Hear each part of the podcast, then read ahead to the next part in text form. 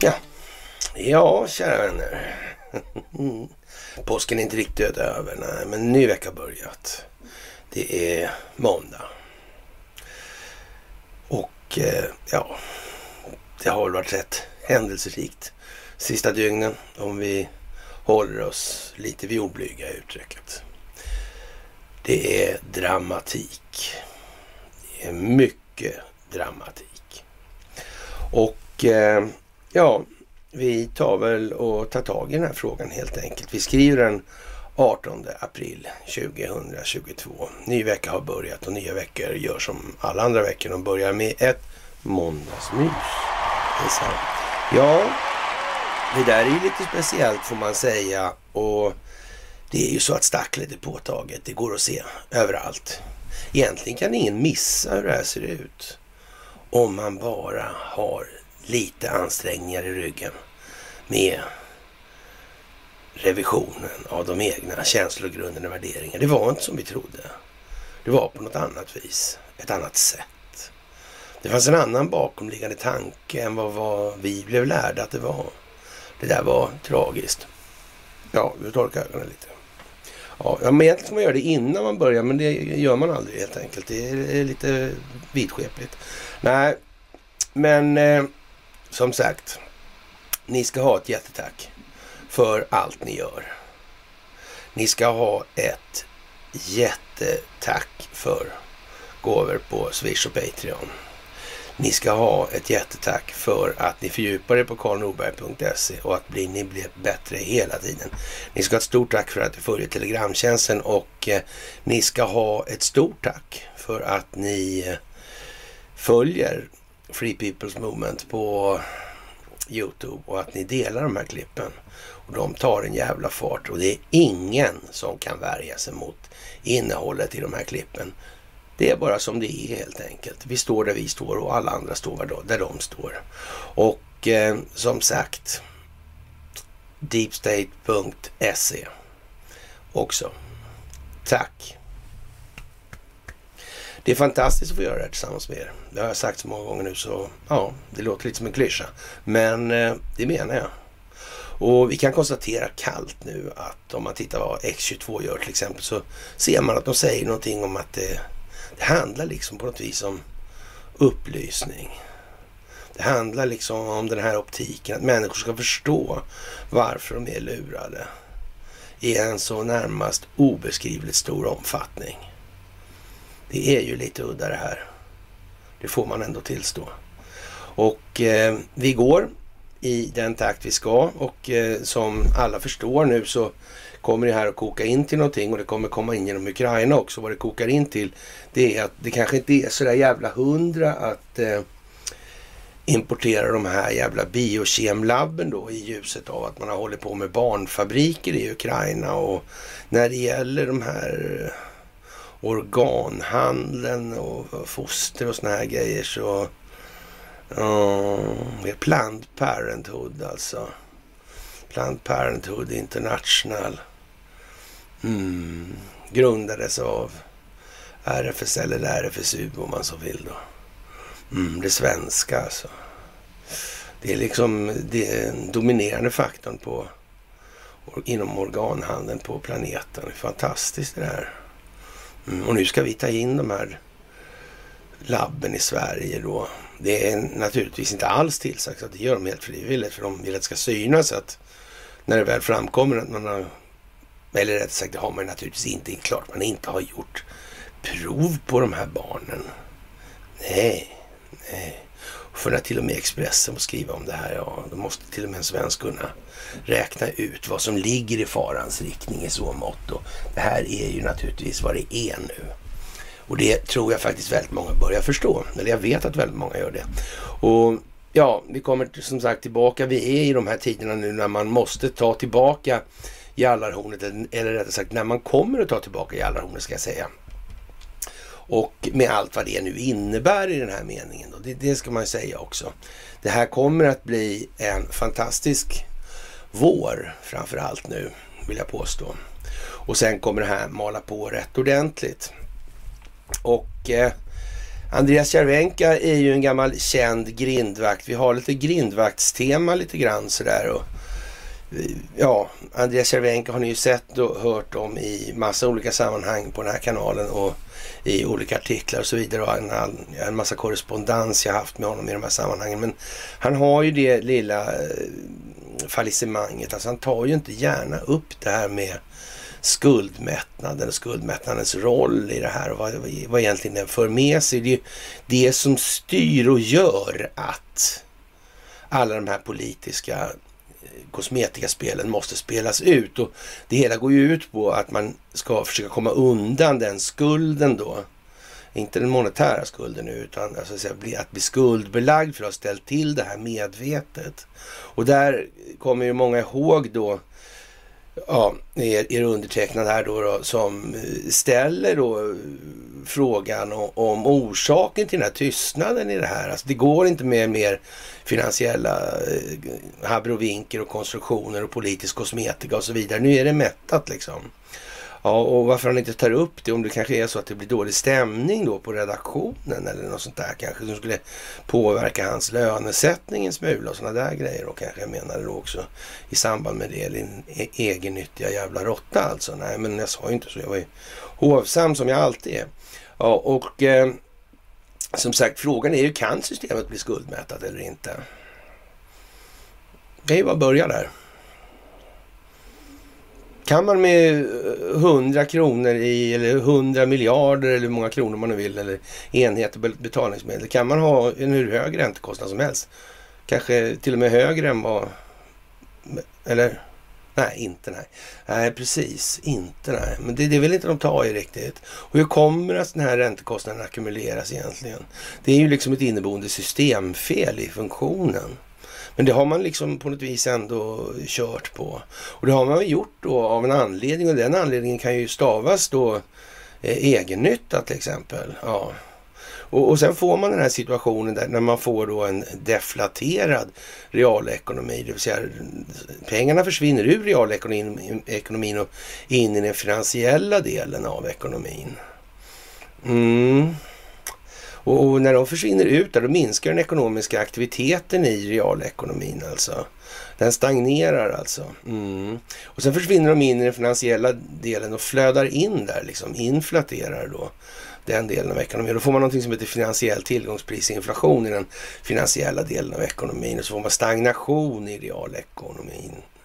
Ja. Och då får man någonting som heter stagflation. Och, och det här var ju sådana här kalanka begrepp som jag hade hittat på, sa man då för inte fan vet jag, decennium sedan eller två sådär.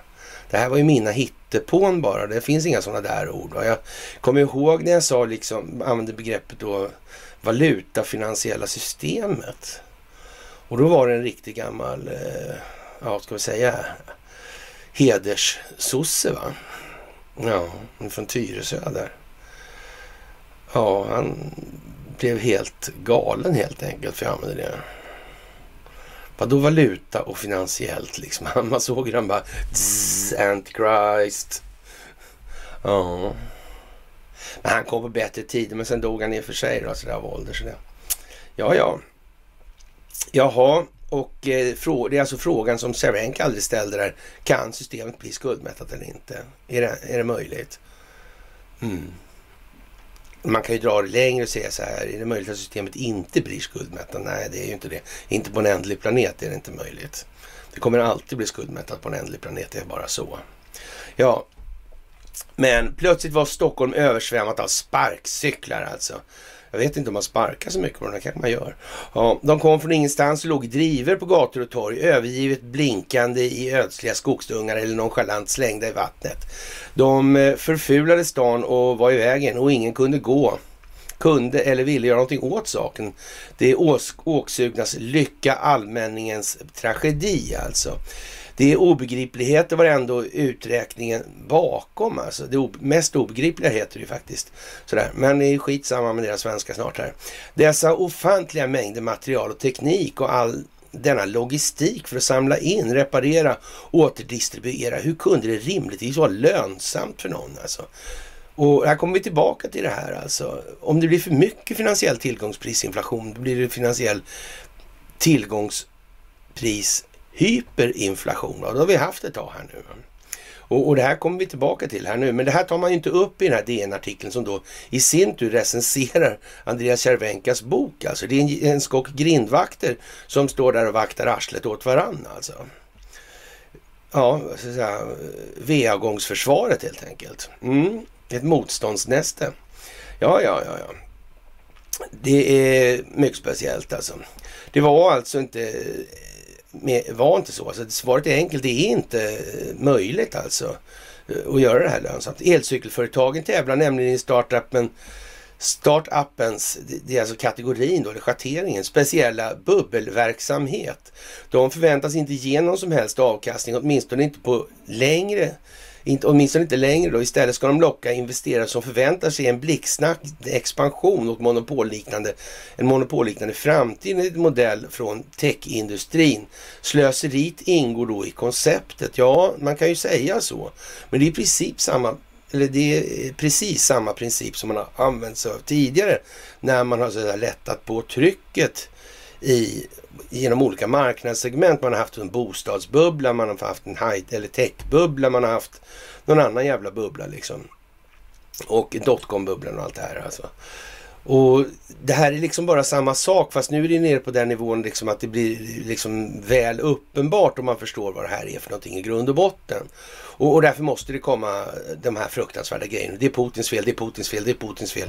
Och, och nu börjar det snöa, det är ryss-Putin, Putin-djävulen liksom och ja, ja och så vidare. Det här hela tiden. Det är helt enkelt Vladimir Putins fel det mesta här på jorden och ja, det är bara så alltså. Och ungefär så långt ifrån verkligheten ligger den själv, svenska självbilden just nu alltså. På något märkligt vis. Hur fan kan det bli så här? Mm. Jo, men vi tragglar väl vidare lite i DNs den här äh, lilla artikeln som inte är så jävla liten. Men alla pengar som vaskas, ja, var kommer de ifrån? De regnar ner från den nya sköna finansvärld som växt fram som ett globalt lekland för smarta snubbar efter 80-talets avregleringar. Och, och, när man skriver en sån jävla imbecill rad, då, då funderar man på att rösträtt, det, det är ju kommunalvalen eller inte alls som gäller för en sån lirare alltså. Och, och ja, frågan är ju om det ens är värt att jag vet inte. Där måste man definitivt införa någon form av passerkort in till det demokratiska systemet. För sådär jävla imbecill kan man inte vara om man sätter sig som journalist och ska förklara hur verkligen ser, ser ut för människor. Det går inte. Och, och, ja, men visst, det är, vi gör ingenting åt en grundläggande problematik som skapar den här situa framväxande situationen med skuldmättnad. Nej, utan vi, vi, problemet var att vi, vi gjorde så att det inte tog ännu längre tid alltså. Vi skulle haft mera regleringar på det. Ja, ja. Mm. Ja, men jag vet inte. Det är liksom, den inneboende naturen och karaktären på betalningsmedel, det är vad den är alltså. Och, och det spelar ingen roll hur mycket glass, stigel och skit man... Man kan ju säga att det var kreditavregleringen då.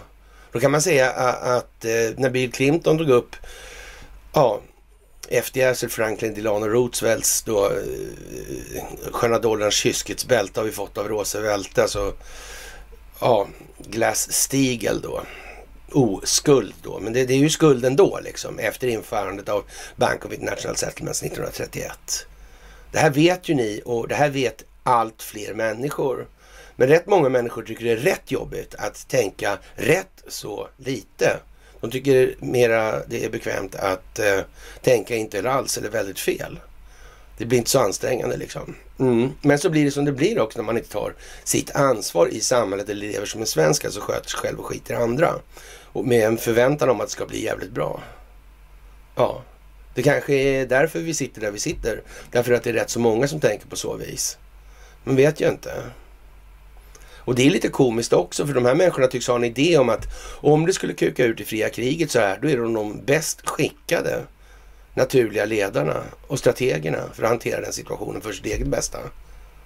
Ja, de lär ju få hantera det för sitt eget bästa i alla fall, men frågan är om det blir riktigt så jävla bra som de har tänkt sig. Det tror jag knappast. Nej, så kommer det inte att bli alltså.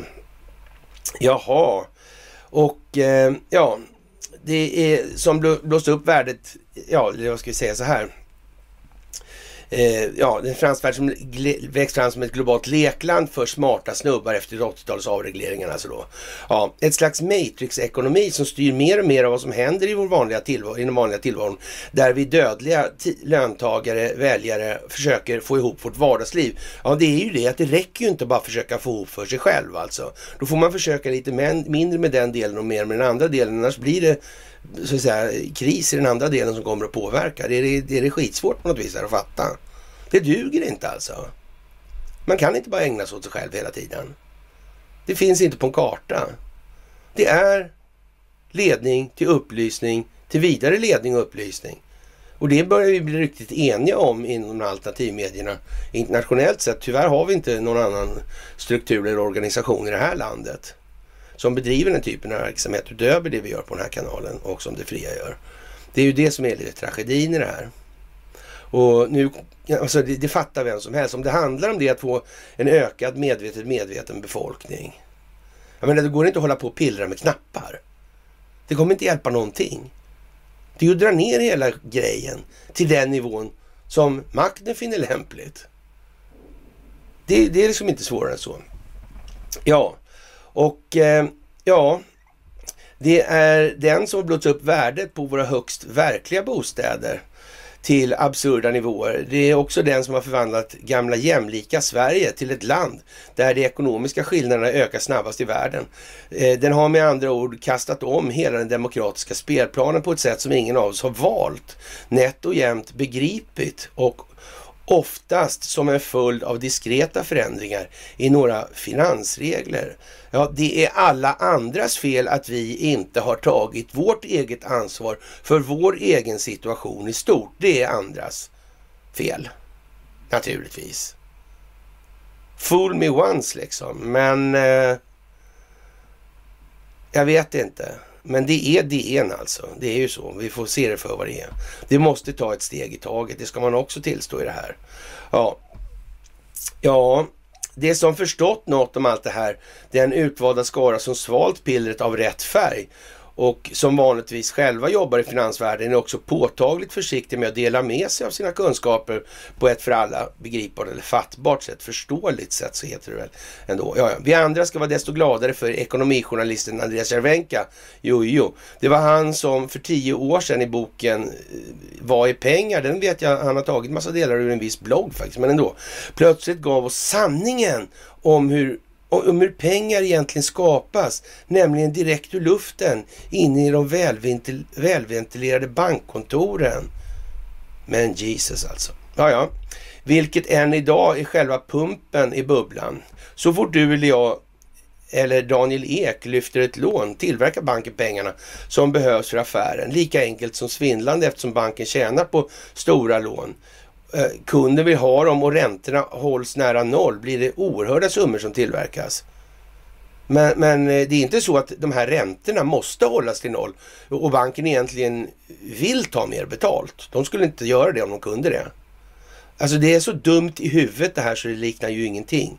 Men det är alltså tvunget att kliva på det här spåret, antingen de vill eller inte. Men tro mig, vi ska få dem att framstå som de riktiga jävla idioter som de har varit längs hela resans gång. De har vetat om det här bra så jävla länge och har inte gjort ett sketnåga för att förbättra tillvaron för samhället i stort. Det är bara så. Ja, men att göra pengar av ingenting är väl ett klassiskt recept för inflation. Men era dumma jävlar, det blir inte inflation i realekonomin eh, när systemet är skuldmättat. Det blir en deflation. Men det blir en finansiell tillgångsprisinflation i den finansiella delen av ekonomin. Men för att det här inte ska spåra ur fullkomligt så måste den dräneras ordentligt. Och då kommer den här startup-historien upp. Det vill säga man startar då stuterier för enhörningar och sådana här saker.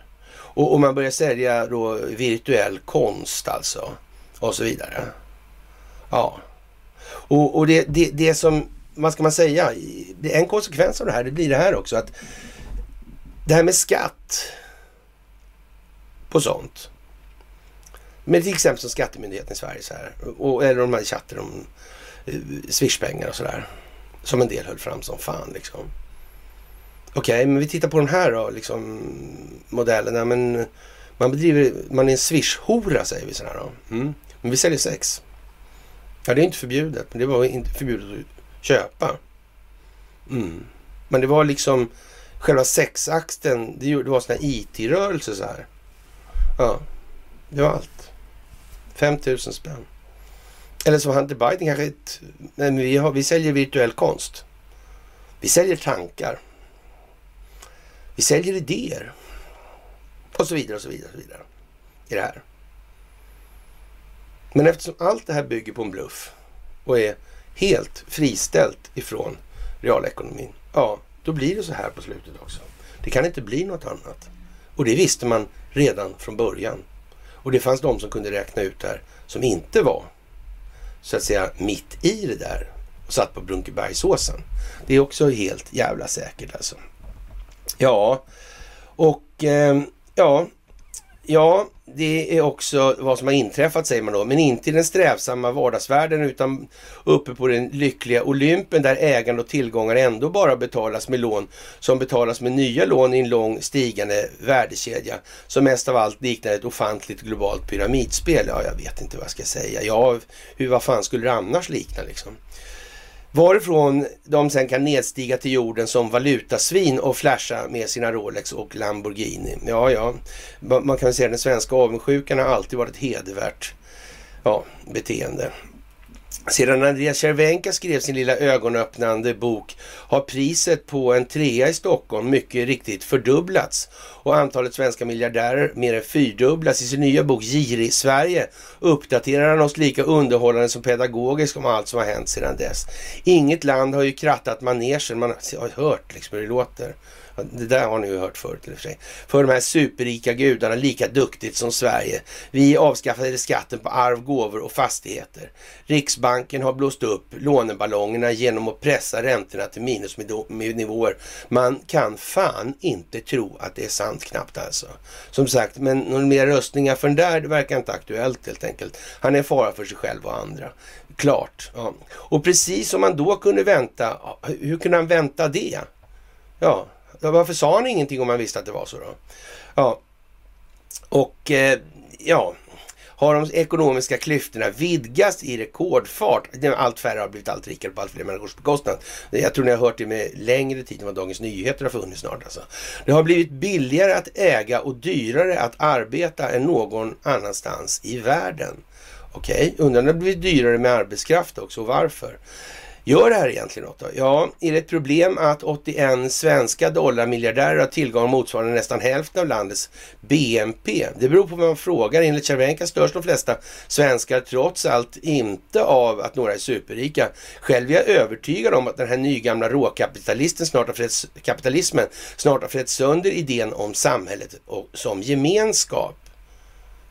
Ja, men, man kan, men, men det är klart att om det handlar om pengar, om vi ska ha det som ledande värde, då, då kan man ju förstå att, men alltså, att torgföra sin egen filosofiska materialist som det här jävla DN-stolpskottet gör. Det är fan häpnadsväckande omdömeslöst alltså. Man tror inte det är möjligt alltså. Det, det, ja, Ja, som sagt. Både Världsbanken och IMF har också påpekat att brant ojämlikhet skadar själva ekonomin. Tillväxt och produktivitet tenderar att sjunka och skuldsättningen i samhället drivs upp. Då, då Inte bara för att folk behöver de allt dyrare lägenheterna utan också för att stress och konkurrenshets, konsumtionshets står det faktiskt, tilltar. Sms-lånen blir fler alltså. Ja, det där med att inte fatta det här. Alltså lån är ju lån, antingen det står obligation eller sms-lån. Det är liksom det är eh, ett nominellt belopp, det är en löptid och det är en räntesats. Tre stycken faktorer. Men det är jävligt mycket för svårt att begripa det för någon som skriver i DN som det verkar nu. Det verkar ju helt otroligt det här. Men å andra sidan ska vi veta en sak till i det här att de här de befinner sig på fel sida om staketet och det vet de om. Så de kan lika gärna nu medverka till sin egen så att säga, salig hädangång som offentliga personer i samhället. Och till en ny, helt ny tillvaro. Då de ska sitta i skogen och titta på en kotte och finna värdet i det liksom. Ja, sådär. Jaha, och eh, ja, Cervenkas exempel Ja, eller så här, dessutom gör ekonomiska maktkoncentrationen i samhället allt mer sårbart för korruption. Pengar blir påtryckningsmedel. Politiker lockas med höglönejobb. Beslutsfattare kan sko sig. Cervenkas exempel på svenska makthavare som växlat in sin karriär i tillgångsvärlden är genant lång och direkt obehaglig när, fa när är fallet Stefan Ingves. Riksbankschefen som personligen inte bara gjort tiotals miljoner på börsrally som hans egen räntepolitik har skapat. Han har också haft aktier i bolag som Riksbanken Riksbanken stötta direkt med obligationsköp. Andreas Cervenka är ingen polemiker. Han, eh, ändå verkar han vara eh, otåligare den här gången alltså. Stilen är stramare, tonen är bistrare. Eh, det har gått för långt förstår man och, och säkert är det bara en tidsfråga innan nästa finanskris hemsöker oss värre än den första. Man tar sig för pannan. De där två trallgökarna kan sitta i samma fågelholk i skogen och kvittra med varandra alltså. Här, han avslutar med ett antal förslag till åtgärder mot kasinoekonomin för att se jämlikhet som ett ekonomiskt mål till att upphöra med sånt som nollränta, lånesubventioner, räddningspaket för banker och när man läser så långt är man beredd att stödja dem alla samtidigt som man inser att även med hela listan avbockad så skulle grundproblemet kvarstå. Det är ju globalt. Oj! Och lik, lika lite som världen undgår klimatkrisen genom att Sverige bygger vindkraftpark, en vindkraftpark till så lär vi undgå nästa finanskrasch för att Riksbanken höjer räntebanan. Vilket är en sida av saken som Cervenka gärna kunde borrat lite djupare i. Här har han ju liksom inte något plus, men han i alla fall behöver inte känna att han får en pungjagare. Men det får han väl i och för sig ändå. Då. Vilket är en sida av saken som Cervenka gärna kunde ha borrat lite djupare i. Alltså, bitvis tyngs hans bok av alla rekordsiffror om svensk bubbelekonomi. Han vill att man ska baxna. Och det gör man. Men efterhand börjar man också längta efter vidare utblickar. Ändå etsar sig hans bilder från det nya Sverige fast. Kanske särskilt den av alla politiker från Göran Persson till Fredrik Reinfeldt som banade vägen hit alltså. För att sedan själva bli mångmiljonärer.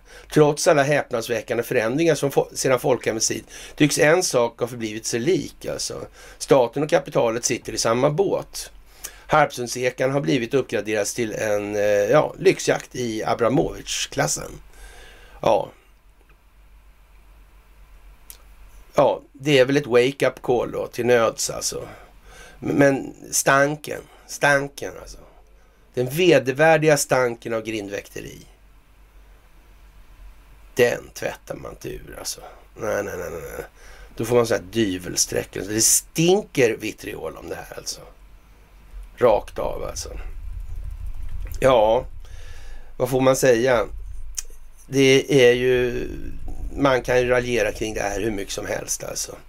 Och eh, vi tar väl en sväng med den här uh, lilla verksamheten, uh, vad ska man säga, som pågår då över landet just nu då. Den här, vad ska man nästan kunna uttrycka det som att uh, den här liran Rasmus då, då, det verkar vara en speciell lirare alltså. Det får man ju säga. Ja, den här Rasmus eh, Paludan där. Hans farsa är liksom lite insyltad i såna här varianter också. Mm. Det är ju lite märkligt. Thomas Polvall heter han. På temat grindvakter alltså. Ja, naturligtvis framstår i Svenska Journalistförbundets lilla hage. Bara det måste få vem som helst att fatta. Nej, nej, nej, nej, nej, nej, nej, nej, nej, nej, nej, nej, nej. Inte på en karta. Och det hjälper ju som sagt inte det här med 30-talets glada folkhem. Det kan ni ju bara glömma liksom. Det, det är ju inte så. Nej, nej, men det är ju den tiden det här RFSU eller RFSL skapas alltså. Som sen skapar Planned Parenthood International, organhandelsorganisationen. Det är det 30-tal då det här med Ivar Kryger hände. Det är det 30-talet som var upptakten till andra världskriget.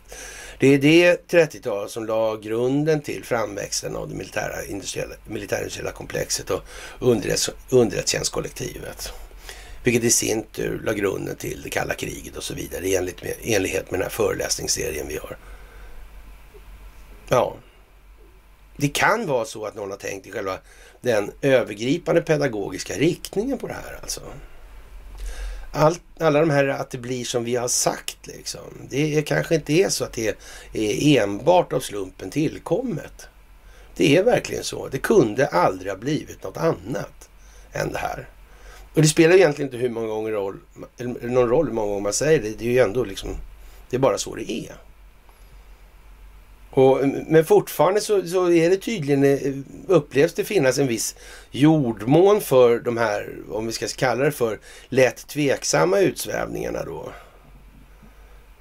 Eh, där man då pratar om helt andra verksamheter som att enas eller gå upp i dimensioner eller snacka med Galaktiska rådet eller trycka på knappar eller vad det är nu tänkt att man ska göra. Eller bjuda på demokratifest eller Ja. Nej, jag bara konstaterar det. Att det är liksom... Ja, ja. Det är ju lite speciellt. Och, och när det gäller den här eh, här Polvall då så kan man väl säga att han hade faktiskt det här eh, en del att göra med Lars Vilks alltså. Mm. Men frågan är alltså, och den är inte sådär eh, Ja, ingen, ingen fråga, ingen retorisk fråga heller. Det är möjligtvis en retorisk sarkasm då. Man verkligen hade koll på det här med San Marino och neutraliteter, Wienkongressen 1814, 1815 där. Mm. Införande av högsta domstolen i Sverige och USA 1809. Hade han verkligen det? Ah, jag vet inte fan alltså. Men det är ungefär det som är nivån om man tittar på Cervenka och det här gänget alltså. Det är liksom, det är där. De, de klarar inte av att ligga särskilt mycket över. De, de är så att säga, eh, eller som ja, yngste sonen skulle säga, de är upplevlade liksom. Mm. De är på sin högsta nivå. De kan inte vara högre än så. Alltså det, ja. Och sen får de göra ett habilt jobb där. Sådär. Det kan man ju tänka på nu i det här tider av när eh, ja, vi ser att ja, Mellanösterns samlade manliga yngre befolkning går man ur huset för att slänga sten och tända på polisbilar. Samtidigt som vi har en skock med ministrar från alla berörda länder i regionen som svenska medborgare. Alltså man, må, man måste liksom börja fatta här någon gång liksom att det verkar som att vi har intervenerat på inte bara ett sätt i de här länderna för att där finns det telekominfrastruktur, det finns en kraftförsörjning och så vidare och så vidare i det här alltså. Mm. Och det är det där bolaget som ligger under kontroll för eller av amerikanska justitiedepartementet, DOJ där. Mm. Men det kanske inte heller spelar någon roll sådana här saker. Nej just det, de hade mutat det där gänget också. Ja. IS, IS. Ja, så ja. Mm.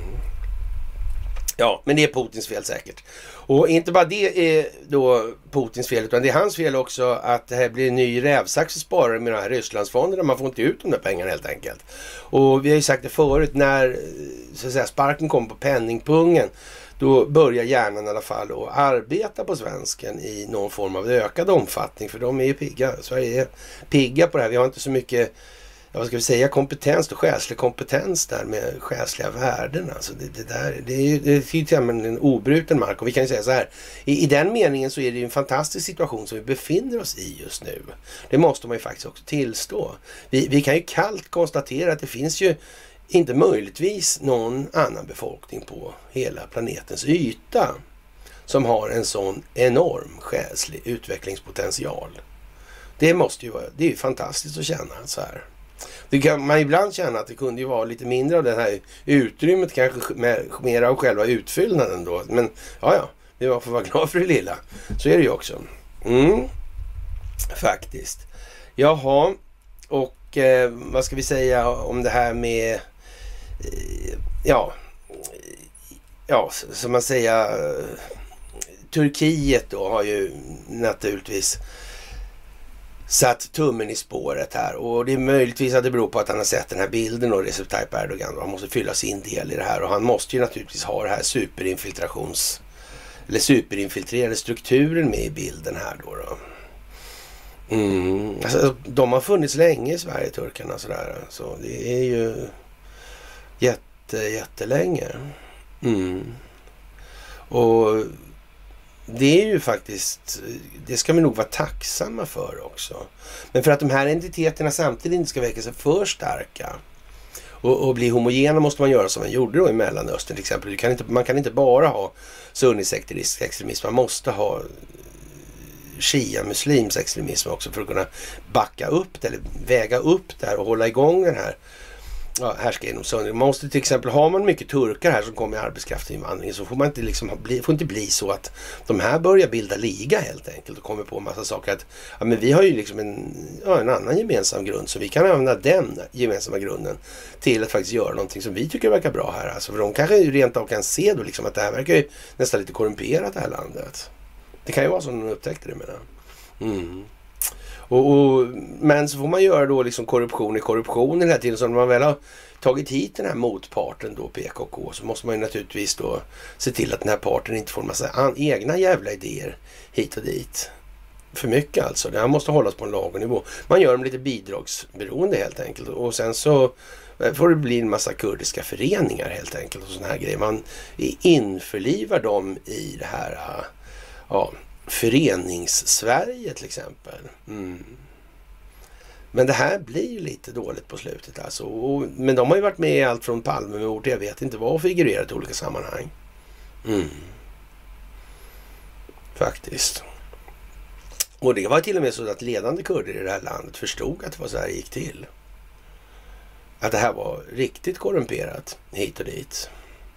Och för att stävja den här korruptionen då så vart det ju som det vart då. Liksom man kunde inte direkt gå till, ja, till staten och gnälla. Vad skulle man gjort liksom? Det gick ju inte. Nej. Det var bara att konstatera det att man blev blåsta hur som helst alltså. Turkiska försvarsministeriet har hur som helst släppt bilder från sin militära offensiv mot kurdiska styrkor i norra Irak. här alltså. Ankara inledde sin senaste kampanj mot militanterna, miliserna heter det då alltså, som de betraktar som terrorister på söndagskvällen. Och det här är ju någonting som sker just nu. Och det är naturligtvis en ruskig tillfällighet i tiden samtidigt som Kina gör utspel i ekonomiska sammanhang. Ja, och Ryssland gör vad de gör i Mariupol. Men det kommer vi tillbaka till, alla de här tre sakerna. Ja, ja.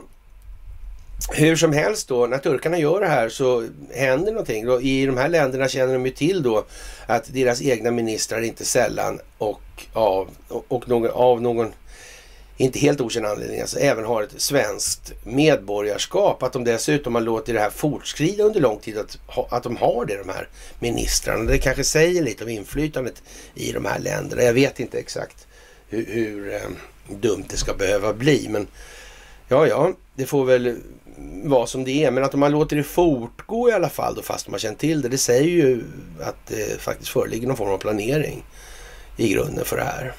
Och det får man ju faktiskt minnas nu här. Hela tiden alltså och inte titta sig yrt omkring varje gång det händer någonting.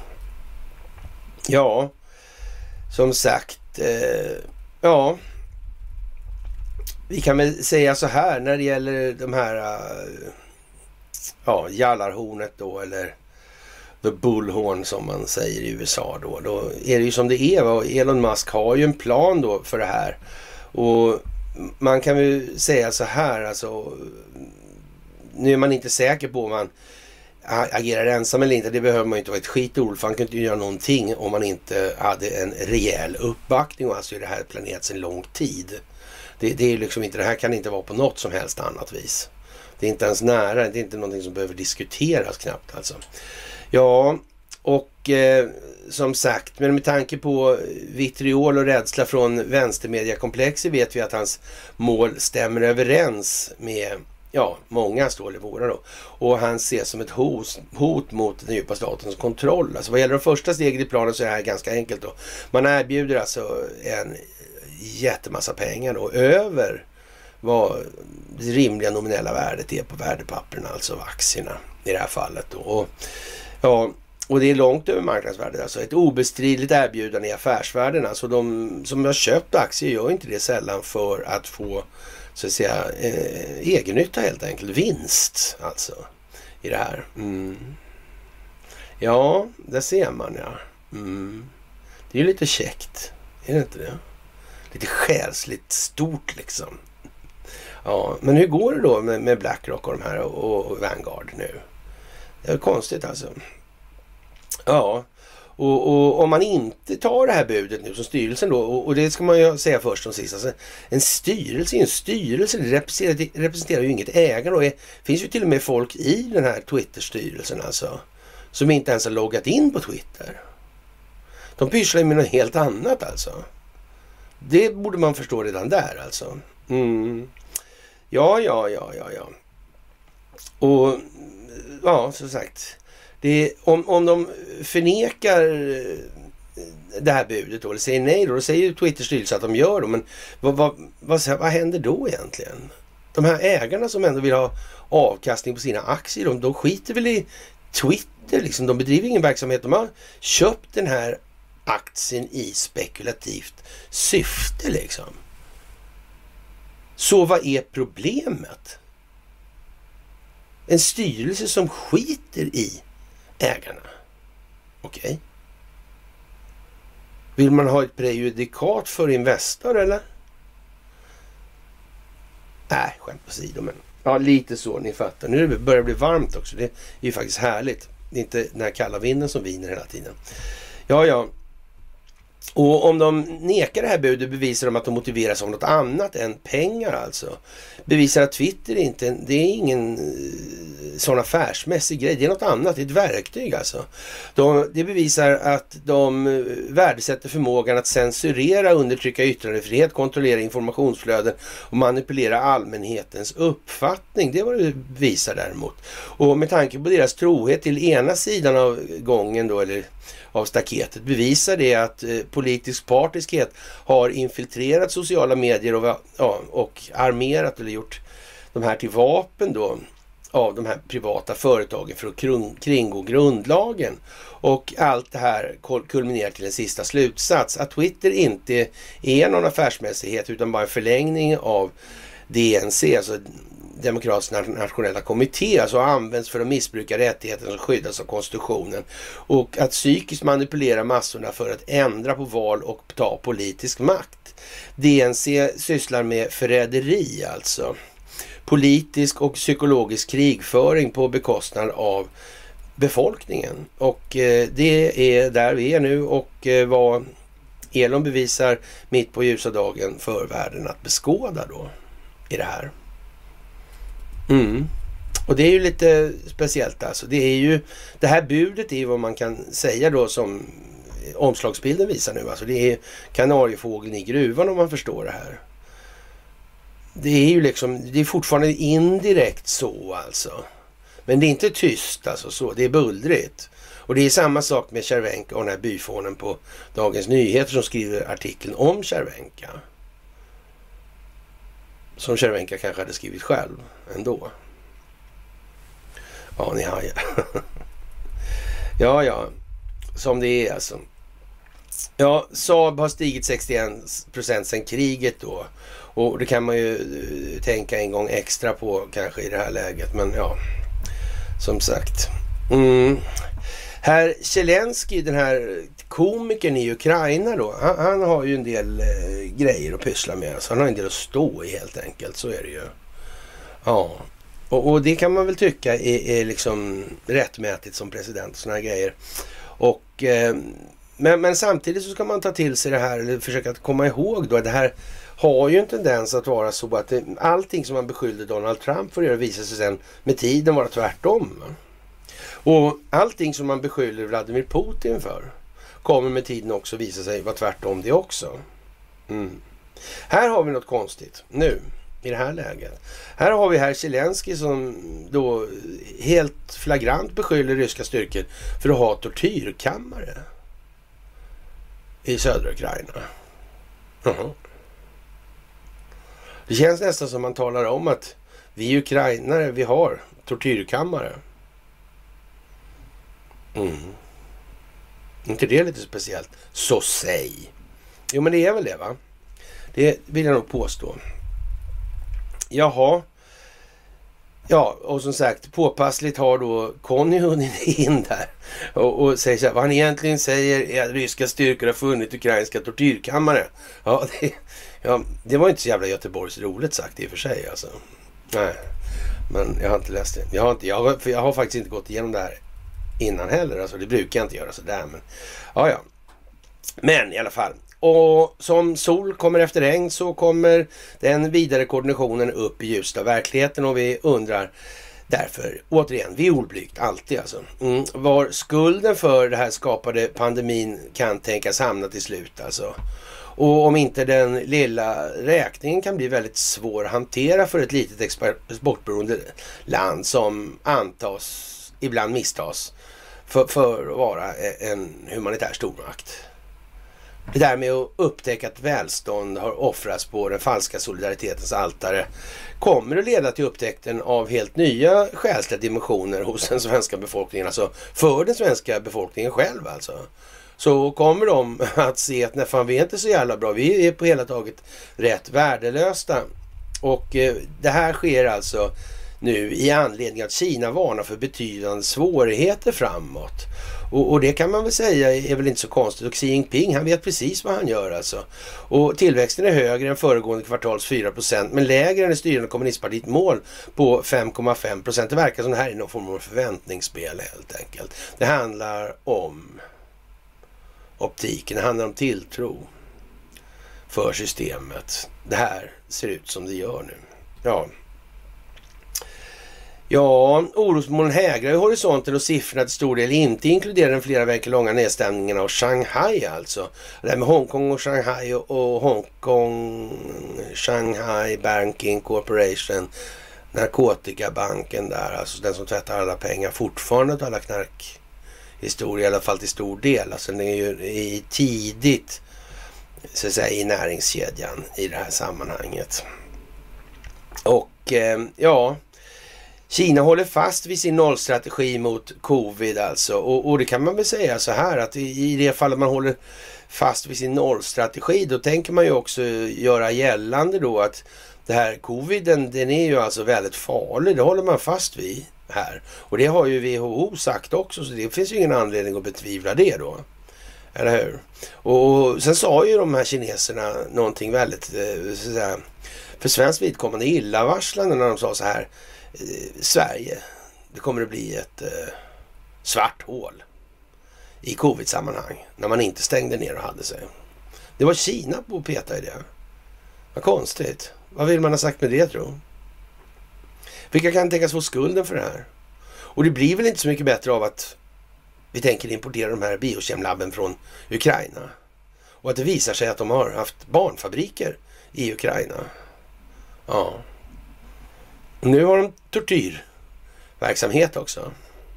Det verkar mest vara bra det där. Eh, vi sa ju det redan tidigt då, att det här kommer komma in från Ukraina och det tror jag faktiskt de flesta kan konstatera att det verkar fan bli så alltså. Det, det verkar jättesäkert helt enkelt. Fantastiskt. Ja, det är ju lite sådär. Eh, vi måste vara medvetna om att i och med de att de inhemska och internationella miljöerna blir mer komplicerade och osäkra så får den ekonomiska utvecklingen, så står den ekonomiska utvecklingen inför betydande svårigheter och utmaningar, säger talespersonen Fu Lingui vid landets statistikbyrå alltså. Och ehm, ja, vad ska man säga? Det, det, det slår ju hårt mot så här, leveranskedjan, leverantörskedjan alltså.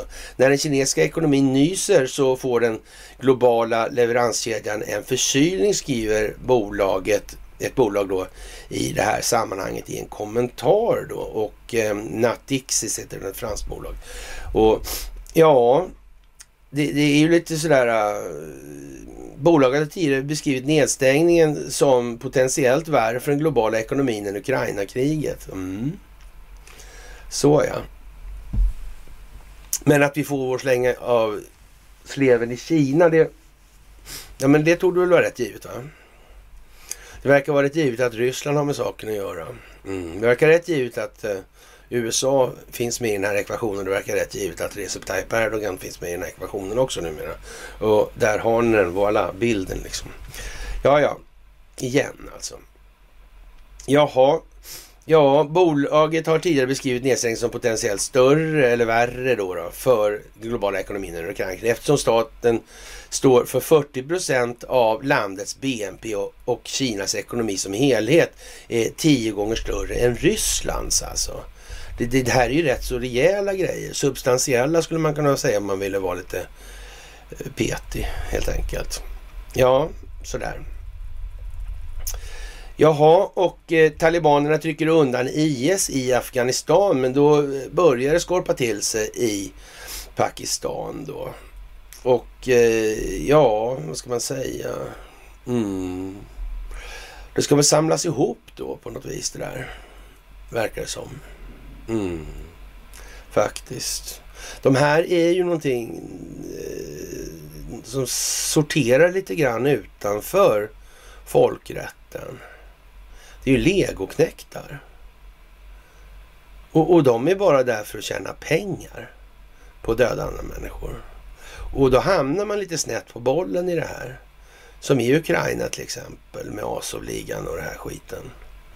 De är lite snett på det faktiskt och det kommer vi tillbaka till igen alltså. Ja,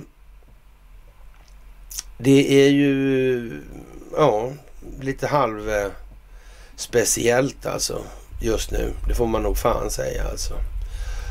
Och eh, ja, Hunter Biden-skandalen kryper närmare underlivsporslinet i USA och han kan ju alltså få kåken då, då för de här laptop ja, laptops from hell då alltså. Och eh, ja, vi, vi får ju se, vi har ju varit på det här många gånger och eh, det här säger också då Steve Bannon nu helt enkelt i Sky News, alltså Joe Biden kan åtalas för innehållet i sin sons laptop och det kommer ju bli oerhört svårt att, och naturligtvis att värja sig från innehållet på, det, på så vis och så hävdar de att man inte har någonting med saker att göra. Såna grejer. Nu finns det ju kontoutdrag, nu finns det mejlkorrespondens, nu finns det hur mycket som helst och nu finns det liksom till och med då de rekvisit som krävs för att, faktiskt styrka ett uppsåt alltså i, i form av vilka dataslagningar har olika människor gjort i olika sammanhang. Och dessutom visar det sig att den här historien med Sassman eh, delen då, den är ju inte bara så utan det är ju dessutom så att det är fabricerad information i det här också. Och det, det, har man ju vetat om när man har så att säga följt upp det här hela tiden. Och det har man gjort hela tiden. Så det är inte så mycket att be för. Helt enkelt. Ja, det blir en dominoeffekt av sällan skådat slag i det här. Och det här börjar väl så sakta rulla ut sig faktiskt. Och det kommer ju gå mycket fortare alltså. Och som sagt, eh, ja. Det är dags nu alltså. Och det här med Elon Musk är kanariefågeln i gruvan. Nu blir det jävligt svårt för den djupa staten att hålla ihop det här. Det är ett som är fullständigt helt jävla säkert. Och eh, som sagt, det är tyst från Saudiarabien i många sammanhang av någon anledning. Och det kommer att komma en allt stridare ström av omvälvande information. Alltså det går inte att bestrida de här grejerna. Det ligger liksom i sakens egen natur att det är den typen av information som kommer att komma nu alltså. Och eh, vi har ju tjatat om den här, eh, ja, vad ska jag säga, pansargeneralen. Den amerikanske där med lilla Bullterriern och med sina elfenbenspistoler, alltså kolvarna på pistolen i alla fall. Och den här historien med Hörningsholm, den här historien med Stella Polaris och så vidare. Och som sagt, vi har gjort ett avsnitt om det här. Och eh, jag tror det ligger upp i alla fall eh, nu. Och eh, det här är värt att sätta sig in i alltså. Och det här hänger ihop jättemycket faktiskt. Mm. Det här är viktigt nu. Och det kommer naturligtvis att sätta sin prägel på den kommande utvecklingen och, och vad som sker inrikespolitiskt i USA också. Mm. Tänk så förhärligt att dra på sig så mycket ilska. Det är fan smått bra jobbat alltså. Men kräla i kanterna, liksom i dammet på dammråttorna under sängen liksom och gömma sig hela tiden. Men till slut. Den där lilla masken blev liksom världens jävla boa constrictor liksom. Ja. Det var ju lite sådär helt enkelt. Tyckte omvärlden nu när de upptäckte det. Sådär och eh, ja, det här med nazisterna i Ukraina, det här med eugeniken, Margit Sanger, makarna Myrdal, nazisten, nazismens uppkomst, Thulesällskapet, Thulehusen, ariseringsprocesserna, Thule Försäkrings AB och så vidare i all oändlighet. Mm. Planned Parenthood International. RFSL eller RFSU och vilket man vill. Ja. Det är märkligt ändå alltså. Pride-rörelser och annat. Kommer ju därifrån. Så passande, helt enkelt. Mm. Hillary Clinton tycker att Margaret Sanger var jättebra. Hon var lätt rasistisk skulle man kunna säga. Ja. Hon tyckte att eugeniken var fantastiskt. Ja. Rasbiologiska institutet. Kaiser Wilhelm-institutet. Och så vidare. Mm. Men vi har ingenting med någonting att göra. Himmler. Den jävla löken alltså. Ja, ja, ja, ja. Ja, ja som sagt. Och eh, man säger då från ja, eh, ja, 12 april säger man så. Anonymous skrev då liksom att det handlar om spirit of the spiritual companion of Patton. Och eh, ja, han eh, kommer att så att säga det kommer att sätta sin prägel på det här. Han var ju i Sverige.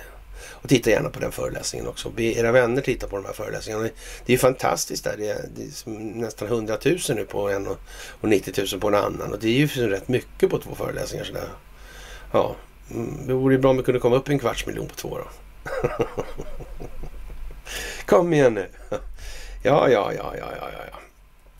Som sagt, det här kommer att bli någonting då alltså. Och eh, Ja, de gör nu videofilmer på vad de har hittat i, i eh, Mauripol.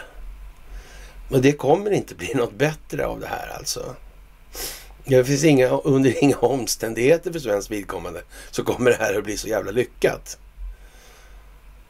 Och, och, man kan ju tänka sig hur glada de måste varit på, på horhuset då när, när de var tvungna att säga nej vi, vi ska ta hit alla de här forskarna och deras fina forskning.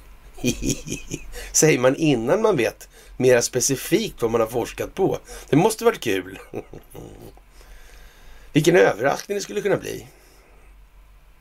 Ja, ja. Kan ju vara tjusigt om det kommer barn med tre huvuden och såna här grejer. Kan ju vara fantastiskt bra. Jag vet inte, kanske inte då. Ja, ja. När och, och, vi har den här kul grejen också. Mordet på de här facktopparna är ännu inte uppklarat. Och det här vill man då från Aftonbladets sida då och den här herr Persson. Va? Han, han vill slå ett slag för det här och, och han tycker att det där vore viktigt alltså. Och, och få lite eh, rätsida på. Och, och, jag vet inte eh, riktigt eh, om det är så man ska se på saken. Det här är ju vid, vid tiden för då eh, Sovjetunionens eller Warszawapaktens kollaps. Ja. Och vad händer då? Vad gör, vad gör Sverige för någonting? Jo, de skickar dit folk som ska orga, hjälpa till att organisera arbetskraften i fackföreningar.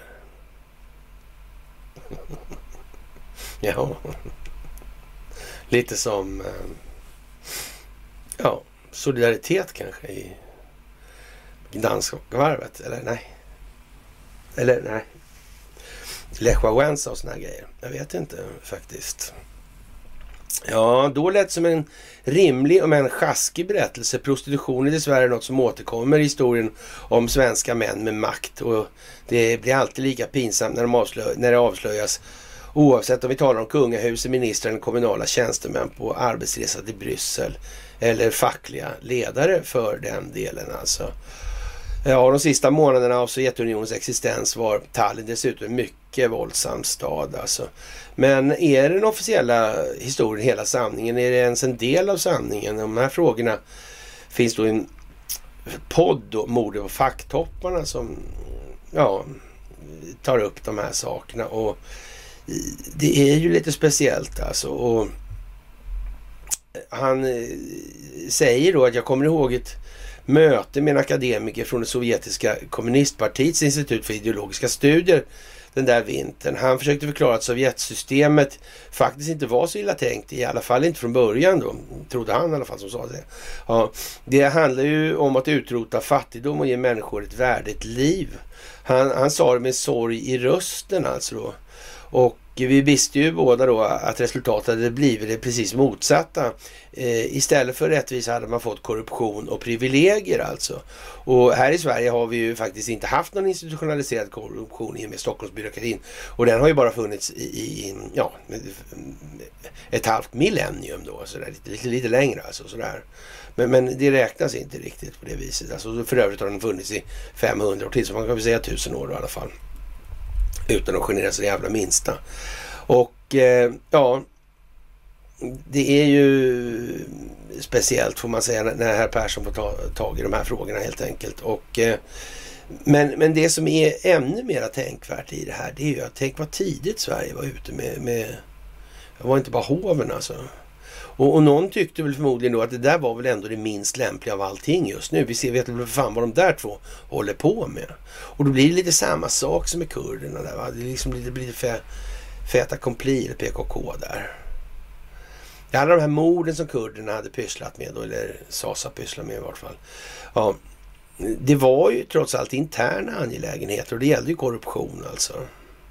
Och här kommer det två svenskar två liksom Stockholmsbyråkratins fanbärare och ska hjälpa till med demokratiseringsprocessen. Häpnadsväckande nog så blev de mördade. ja, tänk så konstigt. Ja, ja, ja, ja, ja, ja. Man får väl, eh, ja, som sagt.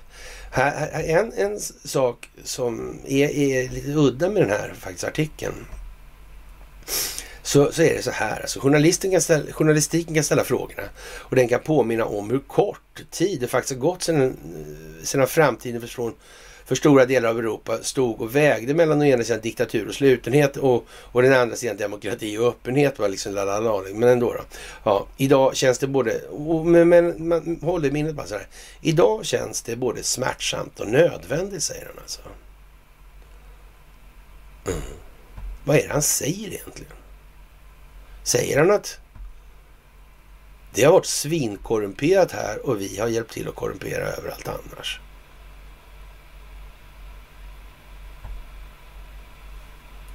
Så där ja. Ja, ja. Så kan det vara ja. Mm. Jaha. Och som sagt en mycket makalöst slumpartade tajmingen i att eh, Turkiet slår ut en offensiv mot PKK i Irak alltså. Ankara har plötsligt påbörjat en stor gränsöverskridande militär offensiv som riktar sig mot militanter i Kurdistans arbetarparti PKK i norra delen av Irak då. Och Irak, eh, ja, där, de hade ju en försvarsminister där som hade svenskt och så vidare och så vidare. Allt är som vanligt alltså.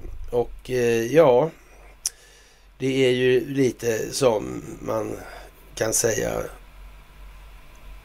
det är Stockholmsbyråkratiskt på många håll. Och det känns lite som att det mycket går ut på det här hela tiden.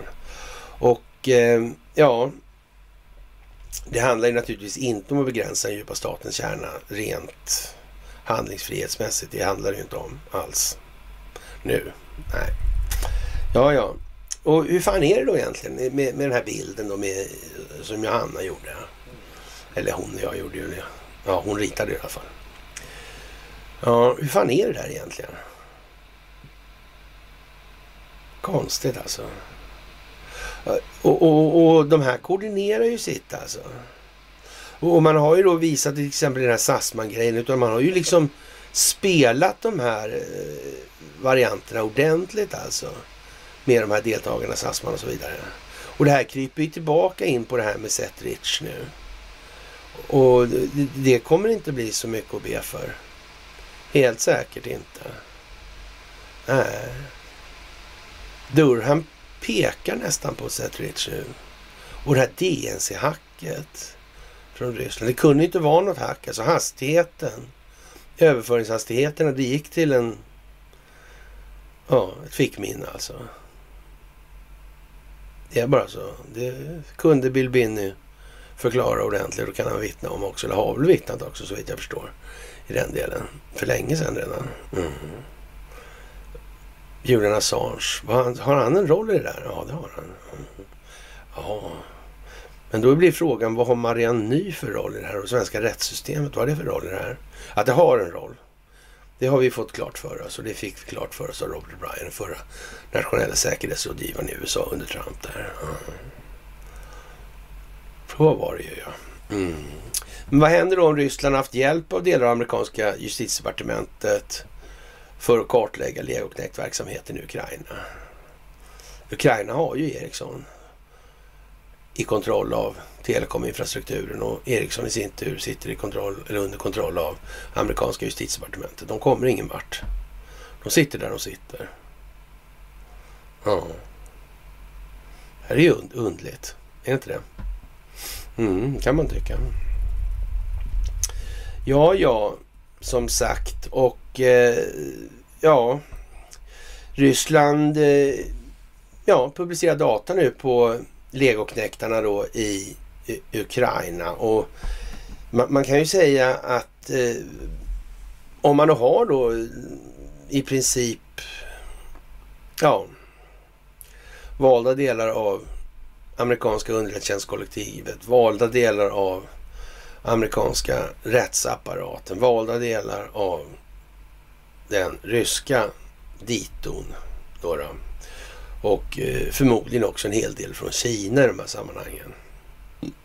Mm. Då lär det vara vad det var. Eller vad, vad det är, helt enkelt. 400 utländska knäktar då är fortfarande instängda med Europol där Kievs styrkor har vägrat ett erbjudande om att kapitulera då klockan ett igår eftermiddag. Då. Eh, Ryssland publicerar uppgifter om utländska legosoldater. Alltså de, omkring, 6 omkring 6824. Det är eh, rätt noga alltså. Här, ja. Utländska legosoldater från 63 länder kom till Ukraina för att slåss för Vladimir Zelenskyjs regering, uppgav, uppgav det ryska försvarsministeriet på söndagen igår. Alltså. Av dessa har 1035 förstörts då, eliminerats då, medan flera tusen finns kvar 400 utländska eh, knäktar är inspärrade i Mauripol där de nationalistiska styrkorna, inklusive de nynazistiska, ja också knäktarna då, har vägrat att kapitulera. Och då, de är ju alltså inte inom ramen för folkrätten i det här. Den mest talrika gruppen utländska krigare, eller knäktar då, 1717 anlände från Polen medan cirka 1500 kom från USA, Kanada och Rumänien. Upp till 300 personer kom vardera från Storbritannien och Georgien medan 193 kom från de turkiskt kontrollerade områdena i Syrien. Och därför kan vi säga så här också att helt säkert så är det så att den turkiska underrättelsetjänsten också finns inblandad i det här. Alltså det är ju liksom inte mycket egentligen att be för alltså. Och eh, dessa siffror tillkännagavs på söndagen av försvarsministeriets talesman generalmajor Igor Konashenko. Enligt generalen har 1035 utländska legoknektar dödats av ryska styrkor och 912 har flytt från Ukraina vilket lämnar 4877 aktiva i städerna Kiev, Kharkov, Odessa och, eller Adessa heter det, Nikolajev och Mariupol. Ungefär 400 av de här utländska krigarna då, eller knäktarna, är fortfarande inbäddade i ukrainska nationalistiska bataljoner i den belägrade hamnstaden. Man gör ju liksom så, man fulförstärker ju lite grann därför också. Eh, ja, han, ja, uppgav då Konasjenko. Men med större delen av staden under rysk kontroll har dessa styrkor grävt sig ner då i de vidsträckta metallurgiska anläggningen i Azovstal ett gigantiskt sovjetiskt byggt fabrikskomplex spritt över 11 kvadratkilometer. Det är ju rätt så rejäl grej alltså. De flesta av dem är medborgare i europeiska länder såväl som Kanada sa Konasjenko och tillade att ryska styrkor har avlyssnat radiokommunikation från anläggningen på sex främmande språk. Det räcker nog inte. Efter överlämnandet av mer än tusen medlemmar av Ukrainas 36 marinbrigad vid Iljers stål och järnverk i Mariupol tidigare i veckan. Vilket Ukraina förnekar erbjöd den ryska militären försvararna i eh, Azovstal en sista chans att lägga ner sina vapen och kapitulera på söndagen morgonen och lova att alla som lägger ner vapnen är garanterade livets bevarande. Någon sån kapitulation ägde ju inte rum då och dunkandet av tunga vapen, alltså det är indirekt eld vi pratar om, artilleri alltså, kunde höras nära anläggningen på söndags eftermiddagen. I händelse av ytterligare motstånd kommer alla att förstöras, sa Konasjenkov. Låt mig påminna er om att utländska legosoldater inte har status som kombatanter enligt internationell humanitär rätt, sa Konasjenko. De, bäst, de kom till Ukraina för att tjäna pengar genom att döda slaver. Därför så är det bästa som väntar dem ett straffrättsligt ansvar och långa fängelsestraff. Men det är alltså ingenting man behöver ta någon som helst hänsyn till i det här fallet. Det är bara att mala ner skiten helt enkelt. I den meningen. De kan inte få hur många chanser som helst eftersom varje ny chans de får Ja, de kommer använda den för att gynna sig själva på bekostnad av den civilbefolkning som alltid hamnar i kläm där i de sammanhangen. Så där, där kommer den här i en avvägning. Då måste ju väga lite grann. Alltså, någonstans så måste man sätta stopp för det här.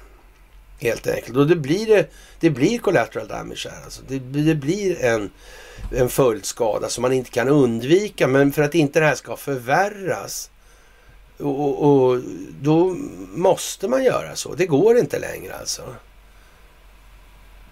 Och, och man kan inte låta dem hållas för då kommer de ju hålla på till fan alltså. Och det går inte alltså. Ja, några av de här som gjorde den här resan då och, eller ja, rättare sagt, rekryteringen minskade dock i mars när, de stod, när det med militär erfarenhet och pausa helt plötsligt bara. Så en talesman för Ukrainas så kallade internationella legion berättade för kanadensiska medier att ja, med att skicka då otränade frivilliga till fronten höll på att bli mer av ett hinder än en hjälp och tillgångarna på skjutvapen och ammunition började ta slut redan då alltså. Några av de här som gjorde resan delade med sig av skräckhistorier på nätet om att ha skickats till frontlinjen med otillräckliga vapen och ammunition medan rekryteringen led efter ett att ett ryskt missilangrepp jämnade ut ett träningscenter för de här utlänningarna nära den västukrainska staden Lvov. Då. Och, eh, Lvov. Och upp till 180 utländska legosoldater och en stor mängd utländska vapen förstördes av Konasjenko då. Alltså det här är ju någonting som pågår hela tiden och svenska medier eh, de beskriver det på ett lite annorlunda sätt alltså. Och det får man ju eh, förstå att de är nog tvungna helt enkelt för de ska framställa sig själva som fullkomligt opolitliga och någonting som människor ska akta sig väldigt noga för att lyssna på överhuvudtaget. Och eh, muslimska ungdomar attackerar då en sån här påskprocession i Spanien alltså.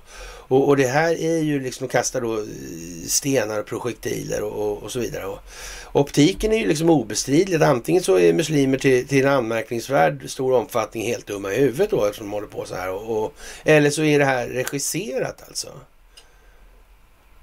Redan på hemmaplan alltså. Så. Jag menar någonstans måste man ju eh, så att säga, det här djupa staten ställer till med saker genom infiltration och korruption. Vad kan det här vara för någonting? Är det svårt det? Ja, och, och som man säger så här då. Eh, att de här människorna då med, med då påbrå eller i alla fall släktingar och så vidare i, i ett annat land då. Inte skulle ha lyckats upptäcka vilka krafter det är som exploaterar de här länderna. De har ingen aning om det. De har aldrig sett, de har ingen aning, ingen dyning. Nej. Nej. Och det är samma företagsintressen som, som finns i det här landet. Ja. Ja. Mm.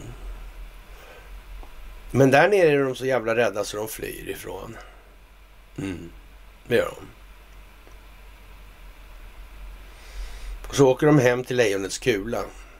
Och då får de helt plötsligt för sig att nu är det lämpligt, nu är det time för lejonbrottning. Mm. Mm. Mm.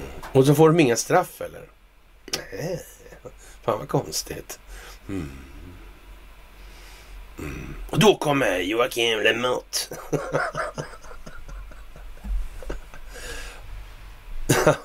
och Rasmus utan pall liksom. Ja. Det är en no-brainer helt enkelt. Ja, ja. Mm.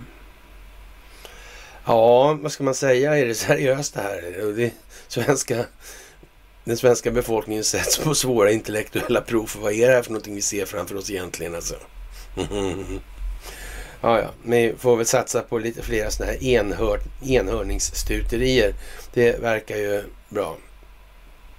Ja, det är ju som det är liksom helt enkelt. Och man kan väl säga att kommentatorsfälten är ibland okej, okay, ibland förfärande faktiskt, rent ut sagt.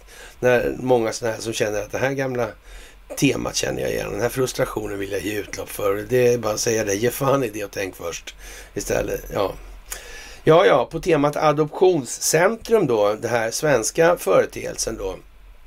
Det säger vad det säger när Expressen publicerar sådana här, alltså de gamla omisskännliga takterna från den svenska eugenikens vingslag dånar nu över informationsslagfältet. Ja, det är faktiskt också bara vad var är det här i ljuset av verkligheten. Det är bara att konstatera att nu kommer det människohandel i sin yttersta potens framför den falska solidaritetens altare för den egna nyttans skull alltså. Alexandra har burit fyra barn i magen. Två av dem är hennes biologiska. Två är barn vars föräldrar anlitar en agentur som förmedlar hennes tjänster. En frisk livmoder som burit barnen hela vägen fram till födseln. En stark kropp som klarat att föda barn utan komplikationer. Alexandra inga synpunkter på uppdraget. Säger att ja, hon gillar barn ville hjälpa barnet att födas. Och de som har ännu mera behov av pengar, de, och man kan ju säga att det här är ju liksom eh, på den nivån där man har då liksom eh, ja, den här typen av hantering då. Då, då, då är det ju som sagt, det har naturligtvis inte bedrivits labbförsök på sådana här barn liksom.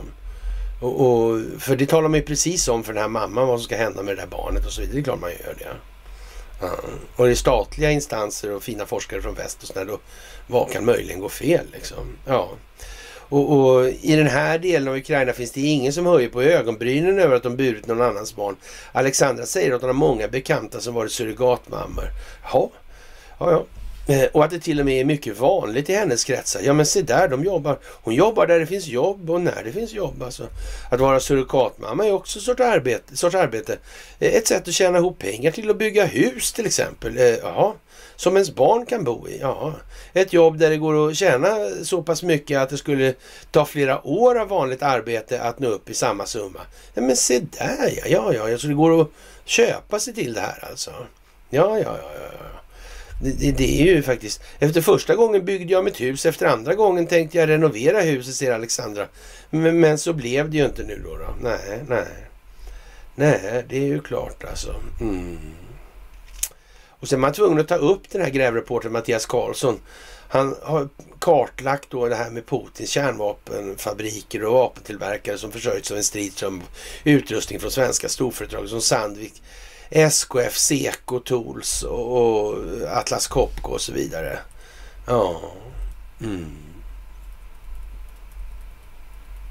Gör de det här frivilligt? Nej, det gör de inte.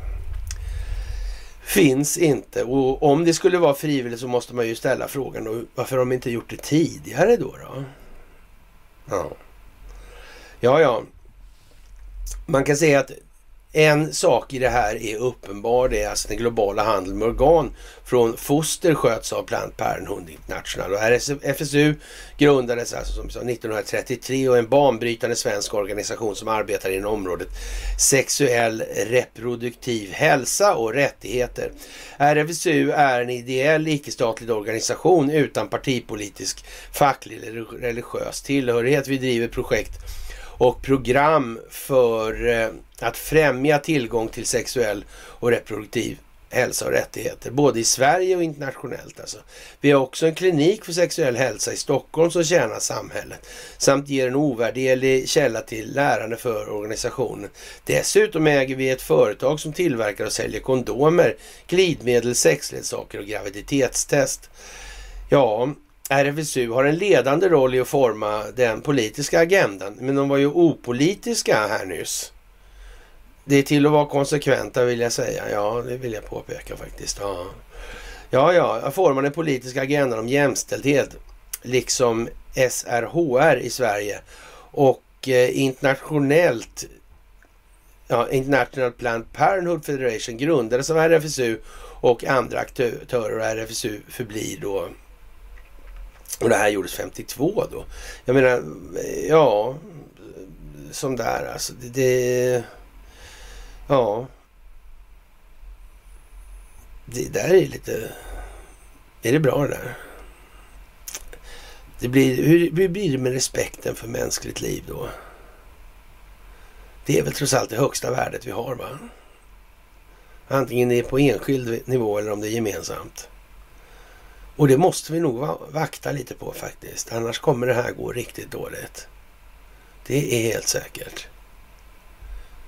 Det är helt säkert att det kommer göra. Som sagt, det här med att sälja fosterdelar, det är, ja, som sagt det här med barnen och Ulf Kristerssons tystnad och, och adoptionsbyrån och ja. Men att Kristersson har varit stacklad under lång tid, det, det, kan vi vara helt jävla säkra på också. Det är, liksom, det är inte så mycket att diskutera om faktiskt. Ja, det är... Ja.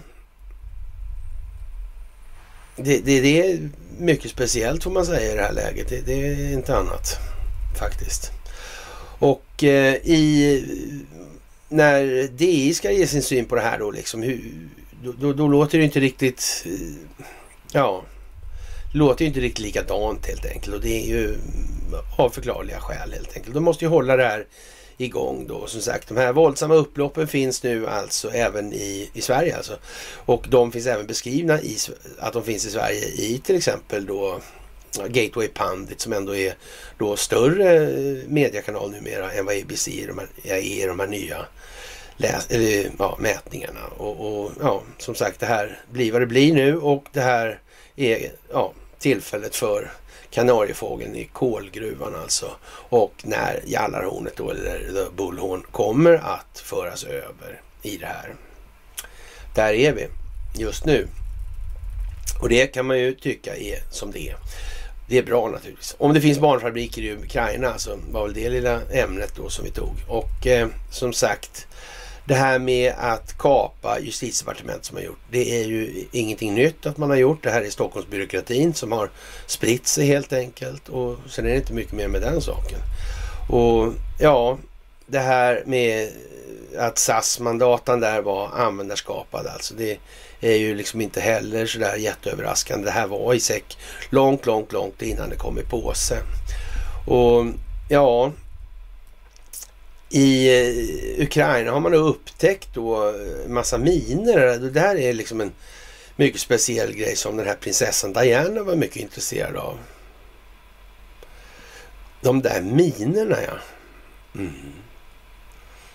Fanns det något som tillverkade miner då med andra ord? Mm. Ja, de där var ju inte sådär jättebra i förhållande till, vad ska man säga, olika internationella regler och stadgar. De var inte sådär jättelyckade då, nej. Vem vet alltså? Dyker de där upp? Minerna? Minfrågan liksom. Mm. Men de som använder sig liksom som någon sån terrorverksamhet och i olika eh, krig inom kolonialväldesammanhang då. Alltså sent och hon var mycket, Diana hon var väldigt mot de här minerna just. Som det var det militärindustriella komplexet som framställde. Ja. Mm. Undrar om hon hade någon koll på det där med BAE. Banda bin Sultan. Margaret Thatcher. Var väl hon förresten? Var det inte hon som pushade som fan för att han den där uh, eh, Top of the Pops pedot där alltså. Var det va? Ja, just det. Han, och han Men han kände ju prins Charles, ja. Så var det ja. Prins Charles bad ju honom om råd i, i, allt från vilken slips han skulle ha till vad han skulle säga och, och vilken storyline han skulle hålla sig till i olika fram, framträdanden och sådär. Det var jävla konstigt det där alltså. Fan vad märkligt. Ja, B och E visste lite om miner, det tror jag. Det tror jag nog, det tror jag nog. Ja, James Savile. Ja. ja, jag vet inte. Konstigt det där alltså. Jaha, ja det är ju lite sådär speciellt alltså. Och eh, ja, många har ju svårt att ta till sig det. Många blir helt förtvivlade nu när deras tillvaro bara kollapsar alltså. Och, och ja, vad ska vi säga? Det, det, det, är många som har det svårt nu. Alltså det ska man också förstå. Alltså det, ja, ja, skyll dig själv. Det, visst, det är ju lätt men...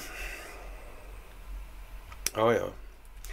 Det, det hjälper inte mycket egentligen att hålla på sådär. Alltså, även om det kan kännas ja, skönt en sekund eller två. Liksom. Så, ja, i, på, i långa, långa loppet så är inte det liksom... Eh, ja, det är liksom ingen hö höjdare då om vi säger.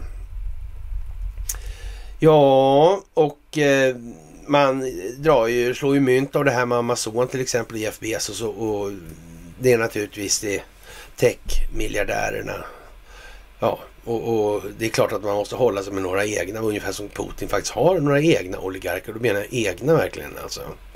Det, det kommer inte bli mycket kvar om dem då, men han kommer i alla fall ha en möjlighet att ha, ha så att säga räddat ansiktet för sig själva och inför andra.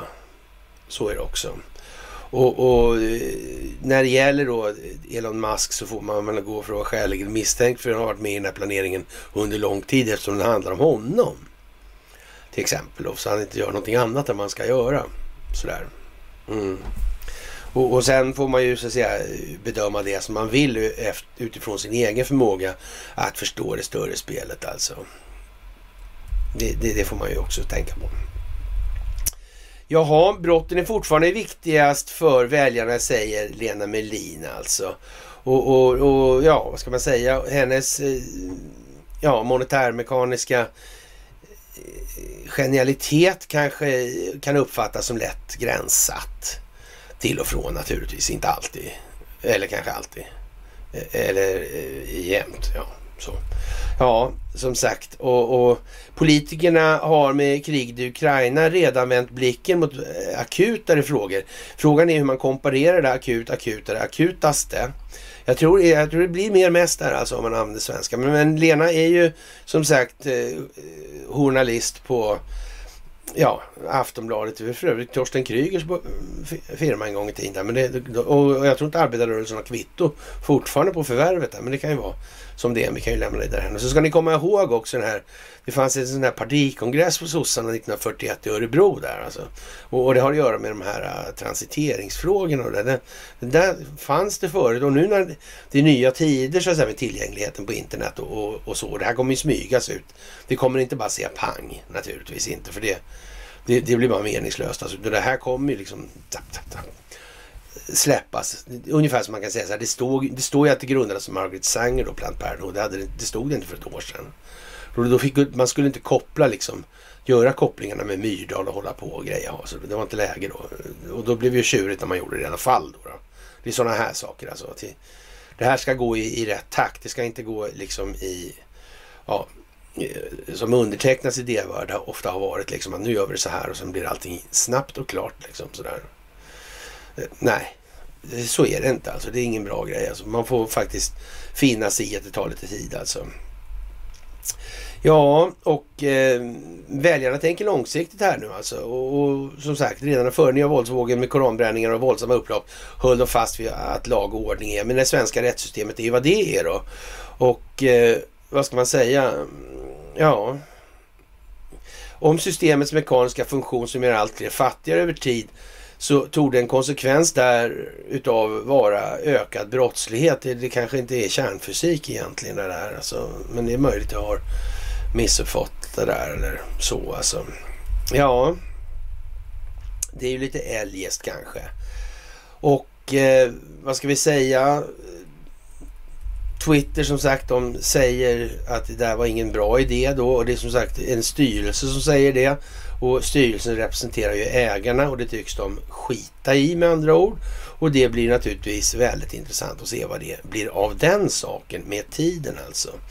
Och eh, ja, vi måste ta en skifu också. Det är viktigt som fan alltså. Det här är bra. Så in i helvete. Det var ingen som visste någonting. Skifu är då alltså ett Sundsvallsföretag, ett kommunalt bolag och då kan jag säga så här. Det får ju allt annat att framstå som jag vet inte vad. Det finns inte en krona som de inte har varit och tafsat på och mängden muter i de här sammanhangen är närmast obeskrivlig och sett till beloppen är det helt ofattbart att de har kunnat hålla på sådär. Och det här kan de naturligtvis inte göra med mindre än att den politiska ledningen i kommunen är tillräckligt medveten om för att kunna undvika att trampa i det här alltså. Och man kan ju säga så här då. Ryska rykten om ekobrott gick i flera år. Kommunens höga chefer, vi visste ingenting. Nej, okej. Okay. Ja, sedan 2012 har det gått rykten om oegentligheter på kommunala skifer och ändå hände ingenting på åtta år. Nej, precis alltså. Vi visste ingenting, säger de ansvariga på kommunen. Skifus uppdrag är att äga, förvalta och utveckla fastigheter åt kommunen. Misstankarna mot bolagets förra VD handlar om ekobrott i den hanteringen. Ryktesspridningen om oegentligheter kom igång redan 2012. Under åren som följde undersöktes ryktena, för det, det, de kom direkt, igång direkt bara de här ryktena. De gjorde inte det här tyst i början för att undvika. Men så kunde de ändå hålla på i åtta år till. Och då kan vi ju vän av ordning fråga har det någonsin ens varit på något annat vis? Nej, svaret är naturligtvis absolut inte under inga omständigheter. Utgångsläget måste direkt vara det här har pågått för alltid. Det här är den institutionaliserade korruptionen inkarnerad i Sveriges Calcutta, det vill säga Sundsvall i svenska Indien, Norrland. Ja, det är ju bara som det är helt enkelt och där har vi hela ligan då inklusive Dumbodil. Och, och, ja, vad ska man säga? Fantastiskt helt enkelt. Det blir klockrent vad det lider. Alldeles säkert. Och vi ska inte bli förvånade då om de som ägnar sig åt att städa det här på riktigt har så att säga granskat de här personerna som nu har fått uttala sig och tala om att de inte visste någonting. Det är ju så det går till då. Så att säga. Och ja, de får ljuga in sig helt enkelt nu. Mm. Låt dem fortsätta ljuga, låt dem visa och så vidare. Avbryt inte dem som håller på att förstöra för sig själva i det här. Nej, faktiskt. Jaha, och Zelensky pratade med Andersson i går morse, eller om det var i häromdagen i alla fall. Eh, I USA börjar det dyka upp det här med skuldmättad och off the cliff we go alltså. Och, och ja, jag vet inte. Det är ju som sagt inte riktigt det där med, med eh, ja, konceptet där va? och utifrån tillväxtkravet, alltså att räntan inte skapas inom ramen för det nominella lånebeloppet alltså. Det där är ju liksom, det, man undrar ju lite stilla, är det verkligen, är det ens möjligt att det kan vara så här dumt? Det, eller vad är anledningen till att det inte nämns? Hur kommer det sig? Vad beror det här på egentligen? Ja, ni förstår ju själva, det är ju liksom lite pinsamt egentligen att behöva sådär alltså. Ryssland sparkar ut fler EU-diplomater och det är inte så mycket att säga om den saken. Och eh, ja, som sagt, eh, det, det, det, är ju mycket extravaganser, det är mycket yvigheter nu och man ska väl kanske säga då att akta er för det här med att liksom Vladimir Putin har meddelat att han har räddat 35 000 barn. Det må ju vara som det är med den saken, men vi kan konstatera så långt så här att man har i alla fall från eh, den sidan som ska skydda den djupa staten sagt så här att det, det, det finns sådana här eh, mammor som föder barn liksom och så, så kan man hålla sig där. Så kan man ju liksom utveckla det och lägga, sätta det i samband med vad som finns i övrigt på det här. Så får man ju liksom de här parallella perspektiven och så kan man titta i sekvensen och så kan man korstabulera och så vidare. Så kan man ju dra då, och, ja, så att säga, förlänga då de här sekvenserna då, eller extrapolerar dem då, så kan man ju se vad hamnar man i det här för. Kan, kan det vara målsättningen verkligen? Det där? Ligger den här målsättningen inom ramen för det intressets normala intressesfär? Eller skulle det vara trendbrott i så fall då? Sådär? Och, och oftast, oftast handlar det då om enskilda nyttomaximeringsintressen och man behöver ju inte gå så långt från det och då ser man kanske att det där passar ju in faktiskt. Och så vidare det här får man ju tänka på nu att det, om man då säger att Vladimir Putin sa att han hade räddat 35 000 barn och så vidare så, så räcker det med att säga att han har bara räddat 17 000 barn så är ju trovärdigheten hos den budbäraren borta för tid och evighet alltså. Så man får vara lite återhållsam i den ändan faktiskt. Det är bättre. Och, och eh, Gesara och Nesara och, och ja, de här. Va? De har fortfarande inte jättemycket av bankernas balansräkningar i sina förklaringsmodeller för vad det där egentligen är för någonting. Så är det också. Det, och, och, att det här ska liksom gå från en dag till en annan med samma mindset på befolkningen i allmänhet. Det är ju faktiskt direkt, direkt olämpligt men det förstår ju vem som helst egentligen. Så det eh, behöver vi ju faktiskt inte sitta och tjata om på det viset heller. Ja, jag vet inte. Det här med Love Me Tender och eh, Elvis Presley alltså. Mm. Vad är det där för någonting? Är det ett fientligt övertag det här alltså? Mm. Eller är det en uppmaning till aktieägarna att antingen blir ni av med alla stålar eller också lär ni höra av er helt enkelt. Ja, det fattar nog aktieägarna att de, de ska få mer betalt än vad det är värt. Eller också kommer de knappt få något betalt. Jag undrar vilka de väljer. Och, och jag undrar hur det går för styrelsen. Kan det gå på så många olika sätt? Alltså inte, nej, nej, nej, det är nog rätt. Det kan nog inte det, nej. Det kan vara alldeles riktigt faktiskt. Det kan det vara. Ja.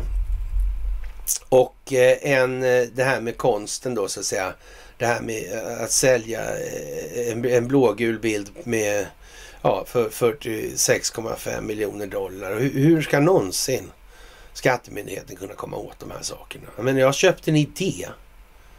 Vad är det för idé? Det kan vi inte berätta för dig. Då är den inte värd någonting. Det gäller ju att det är bara jag som kan den här idén och vet den här idén. Och så vidare och så vidare. Det är materialrätt förstår du väl din jävla idiot. Vi värderar det här patentet, jag och säljaren, till det här. Eller den här idén, den här tanken. Och så vidare. Mm. Jag får önska dem varmt lycka till nu, alltså vad som kommer. Det kommer att verka rätt dumt det som har varit. Det är alldeles säkert i det nya ljuset och verkligheten. Helt jävla säkert dessutom. Och som sagt, det är ju inte upp till Elon Musk att bestämma vad folk ska tänka. Det är ju upp till Mika Blesinski alltså och Morning Joe. Ja. Och med det, kära vänner, så tycker jag att vi har väl gjort en... Ja, det är ju fortfarande söndag i och för sig då, fast det är måndag. Så får man väl säga att det är speciellt. Vi kan lägga till att det är risk för brist på kemikalier som rena vatten i och med det här i Ukraina. Och det är naturligtvis Vladimir Putins fel. Ja, och, och som allting annat alltså. Och, och ja, allt ifrån eh, Fredrik Reinfeldts eh, frisyr alltså till eh, Morgan Johanssons längd. Det är Vladimir Putins fel helt enkelt. Mm. Och nu när vi vet det så kan vi inte förvänta oss något annat att det här kommer att gå jävligt bra för den humanitära stormakten som inte alls är dömd att upptäcka att dess befolkningsmässiga välstånd offras på det falska solidaritetens altare. Nej, så är det ju. Och, och det är en fantastisk tid. Och eh, ja, vi kan väl lägga till också då, det var lite tyst från Saudi sa vi, men i alla fall så har ju MBS då, eh, ja, han har faktiskt tagit tag i den här frågan och han har tagit nio stycken framstående domare faktiskt och, och anklagar dem för, för då högförräderi. Och, och, nu är det möjligt att det har blivit lite annorlunda i den saken. Men, men förmodligen är inte den saudiska rättvisan ännu riktigt den som man skulle vilja bli utsatt för i sin eh, allra mest barbariska form. Det har jag svårt att tro. Kanske. Mm. Men han är faktiskt rätt skön den här liraren, det måste jag säga alltså. Ja, det är som det är faktiskt. Och det här med amerikanska valet, det går som det ska. Och vi ska slå ett slag också för det här med då, ja vad ska vi säga, eh, Christian Birkeland alltså, som skickar brev till familjen Wallenberg där 1906 alltså. Det är samtidigt när Gustav Oskar är i Japan som första västerländska diplomat och skriver avtalet med Kina som fortsättning på opiumavtalen och så vidare. Det här är i tiden för när man har bildat det här Ostasiat som sen blir en sån succé. Och så vidare. Mm. Det verkar som att man kände till det här med kärnkraften ännu. Det var lite djupare kaninhålet än vad vi har berättat. Ja. Men nu är ju många nere på Meitner-nivån här och tittar. Vad fan, jävla konstigt kaninhål. Jag vill säga en gång ner också. Det är ännu tidigare alltså. Hm. Lattjo. Mm. Vad kan det bli av det där? Han blev helt bortglömd också. Det är nästan helt bortglömda vetenskapsmannen alltså. 1867 till 1917. Mm. Det ska man tänka på. Faktiskt. Ni kan googla på honom. Christian Birkeland. Det där är väl värt att titta på. Och oftast är det så här när man börjar krypa ner i de här sakerna. Då hittar man en jävla Helmut Ternberg alltså. Ja, och, och sen så hittar man en annan och sen hittar man en till. Och sen, men de där är ju för fan gifta med varandra liksom. Och så vidare. Mm. Och så håller det på sådär. Det är som ett jävla gytter av gångar. Och de tycks sitta ihop allihopa. Mm. Det är lite fantastiskt, måste jag säga. Och när man tittar på det här med, med Lise Meitner och Christian Birkeland, alltså det är ju som det är alltså. Och, och ja, det är väldigt, väldigt, väldigt konstigt det där. Men att hon är inblandad är alldeles säkert att hon har suttit uppe i Ljungaverk. Och hon kan ha suttit en stund i Ljusdal också. Så där alltså. Men fabriken, den här gummifabriken är vad som sprängdes i luften av en anledning. Den exploderade inte bara från några förgasarmembraner i alltså. Och dessutom fanns det inga noteringar på någonting whatsoever. Det var så viktig forskning som man hade så bråttom till resultatet sa man. Så man förde inga anteckningar. Och eh, ja, som sagt, det kanske säger av sig själv vad det är för någonting. Men med det, kära vänner då, då så ja. Vi får tacka för den här måndagens uppmärksamhet och eh, ja, påsken är slut i natt, eller säga. Men eh, vi får önska er en eh, trevlig avslutning på påskhelgen och så hörs vi senast på onsdag. Och som sagt, ett stort tack för allt ni gör. Det är fantastiskt att få vara med om det här tillsammans med er. Så syns vi på onsdag. Hej!